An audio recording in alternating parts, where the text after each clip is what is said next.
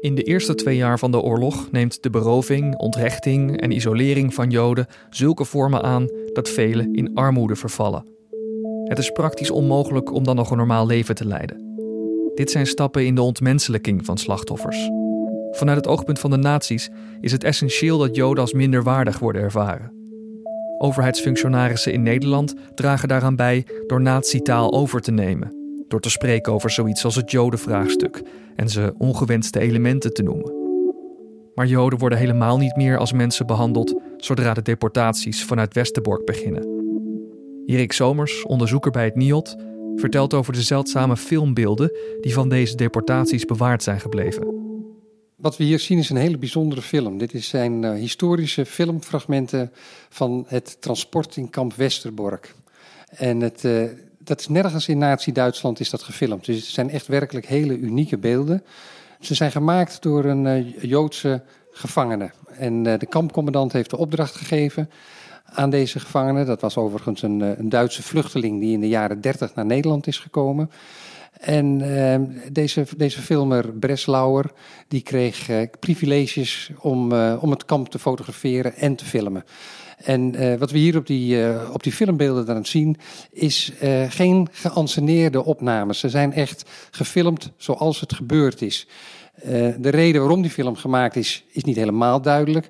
De kampcommandant heeft zelf gezegd: ik wilde een herinnering voor later hebben. Een film voor eigen gebruik misschien.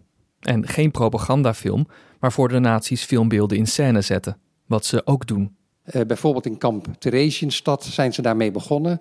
En dat moest echt een film worden om te laten zien van uh, hoe goed de Joden het in de kampen eigenlijk wel niet hebben. Dus volledig uh, verkeerd beeld scheppen en, en een verheerlijking van het, van het nazisme eigenlijk. die hier absoluut niet het geval. Want wat we hier zien is dat de mensen als de Joden die opgepakt zijn en dus nu gedeporteerd worden, ja, de veewagens eigenlijk ingedreven worden. We zien hier eigenlijk geen mensen meer. We zien hier gewoon vee wat de wagens ingaat. En je ziet de angst in de ogen van de mensen als je goed kijkt. En je ziet ook uh, ja, bijna de, de, ja, de superioriteit van uh, de Duitse bewakers. Ze hoeven nauwelijks in actie te komen, want iedereen gaat gedwee mee de veewagens in. Men heeft zich al bijna neergelegd bij het lot. Er is berusting als je de beelden goed, uh, goed bekijkt.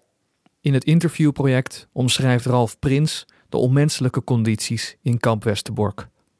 Zodra als je in Westerbork komt, verandert de wereld helemaal, 100%. Het enige wat telt is, moet ik aanstaande dinsdag mee op transport of niet? Nou, zijn er maar twee mogelijkheden, of je gaat wel of je gaat niet. Ga je wel, dan stort je wereld in elkaar. Zo simpel is dat. En ben je niet meer de baas over je emoties, je goede opvoeding, uh, dat je zegt kom, weet je, dat zal wel meevallen en hè?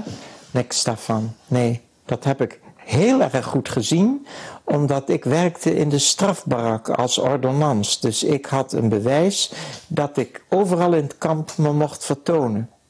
En als ze ingeladen werden, uh, liep ik daar ook langs. Dan zag je de, de beestenwagens die daar staan tegen elkaar aan. En de trein, de locomotief daarvoor. En dan uh, kwamen mensen van de ordendienst. En die uh, hielpen de mensen in die wagens. En die mensen van de ordendienst uh, dat waren niet, mevrouw, kan ik, u, kan ik u even een zetje, weet je, dat ging grof, laten we het zo maar zeggen. En dan werden ze geteld en dan werd het erop geschreven en dan gingen die dingen dicht. En dan ging er nog een, een, soort uh, slot op en dan, kwamen de, dan stond daar Gemmeke met, uh, met andere hoge mensen of minder hoge dan hij. En vaak een hond er nog bij aan de lijn. En als dan uiteindelijk, uh, er, als er duizend in moesten en dat bewezen was dat ze erin waren, dan kon het transport gaan. En dan, zoals zo'n grote trein, nou dan zet het zich in beweging. Dat, dat trekt uit je ziel zo'n transport.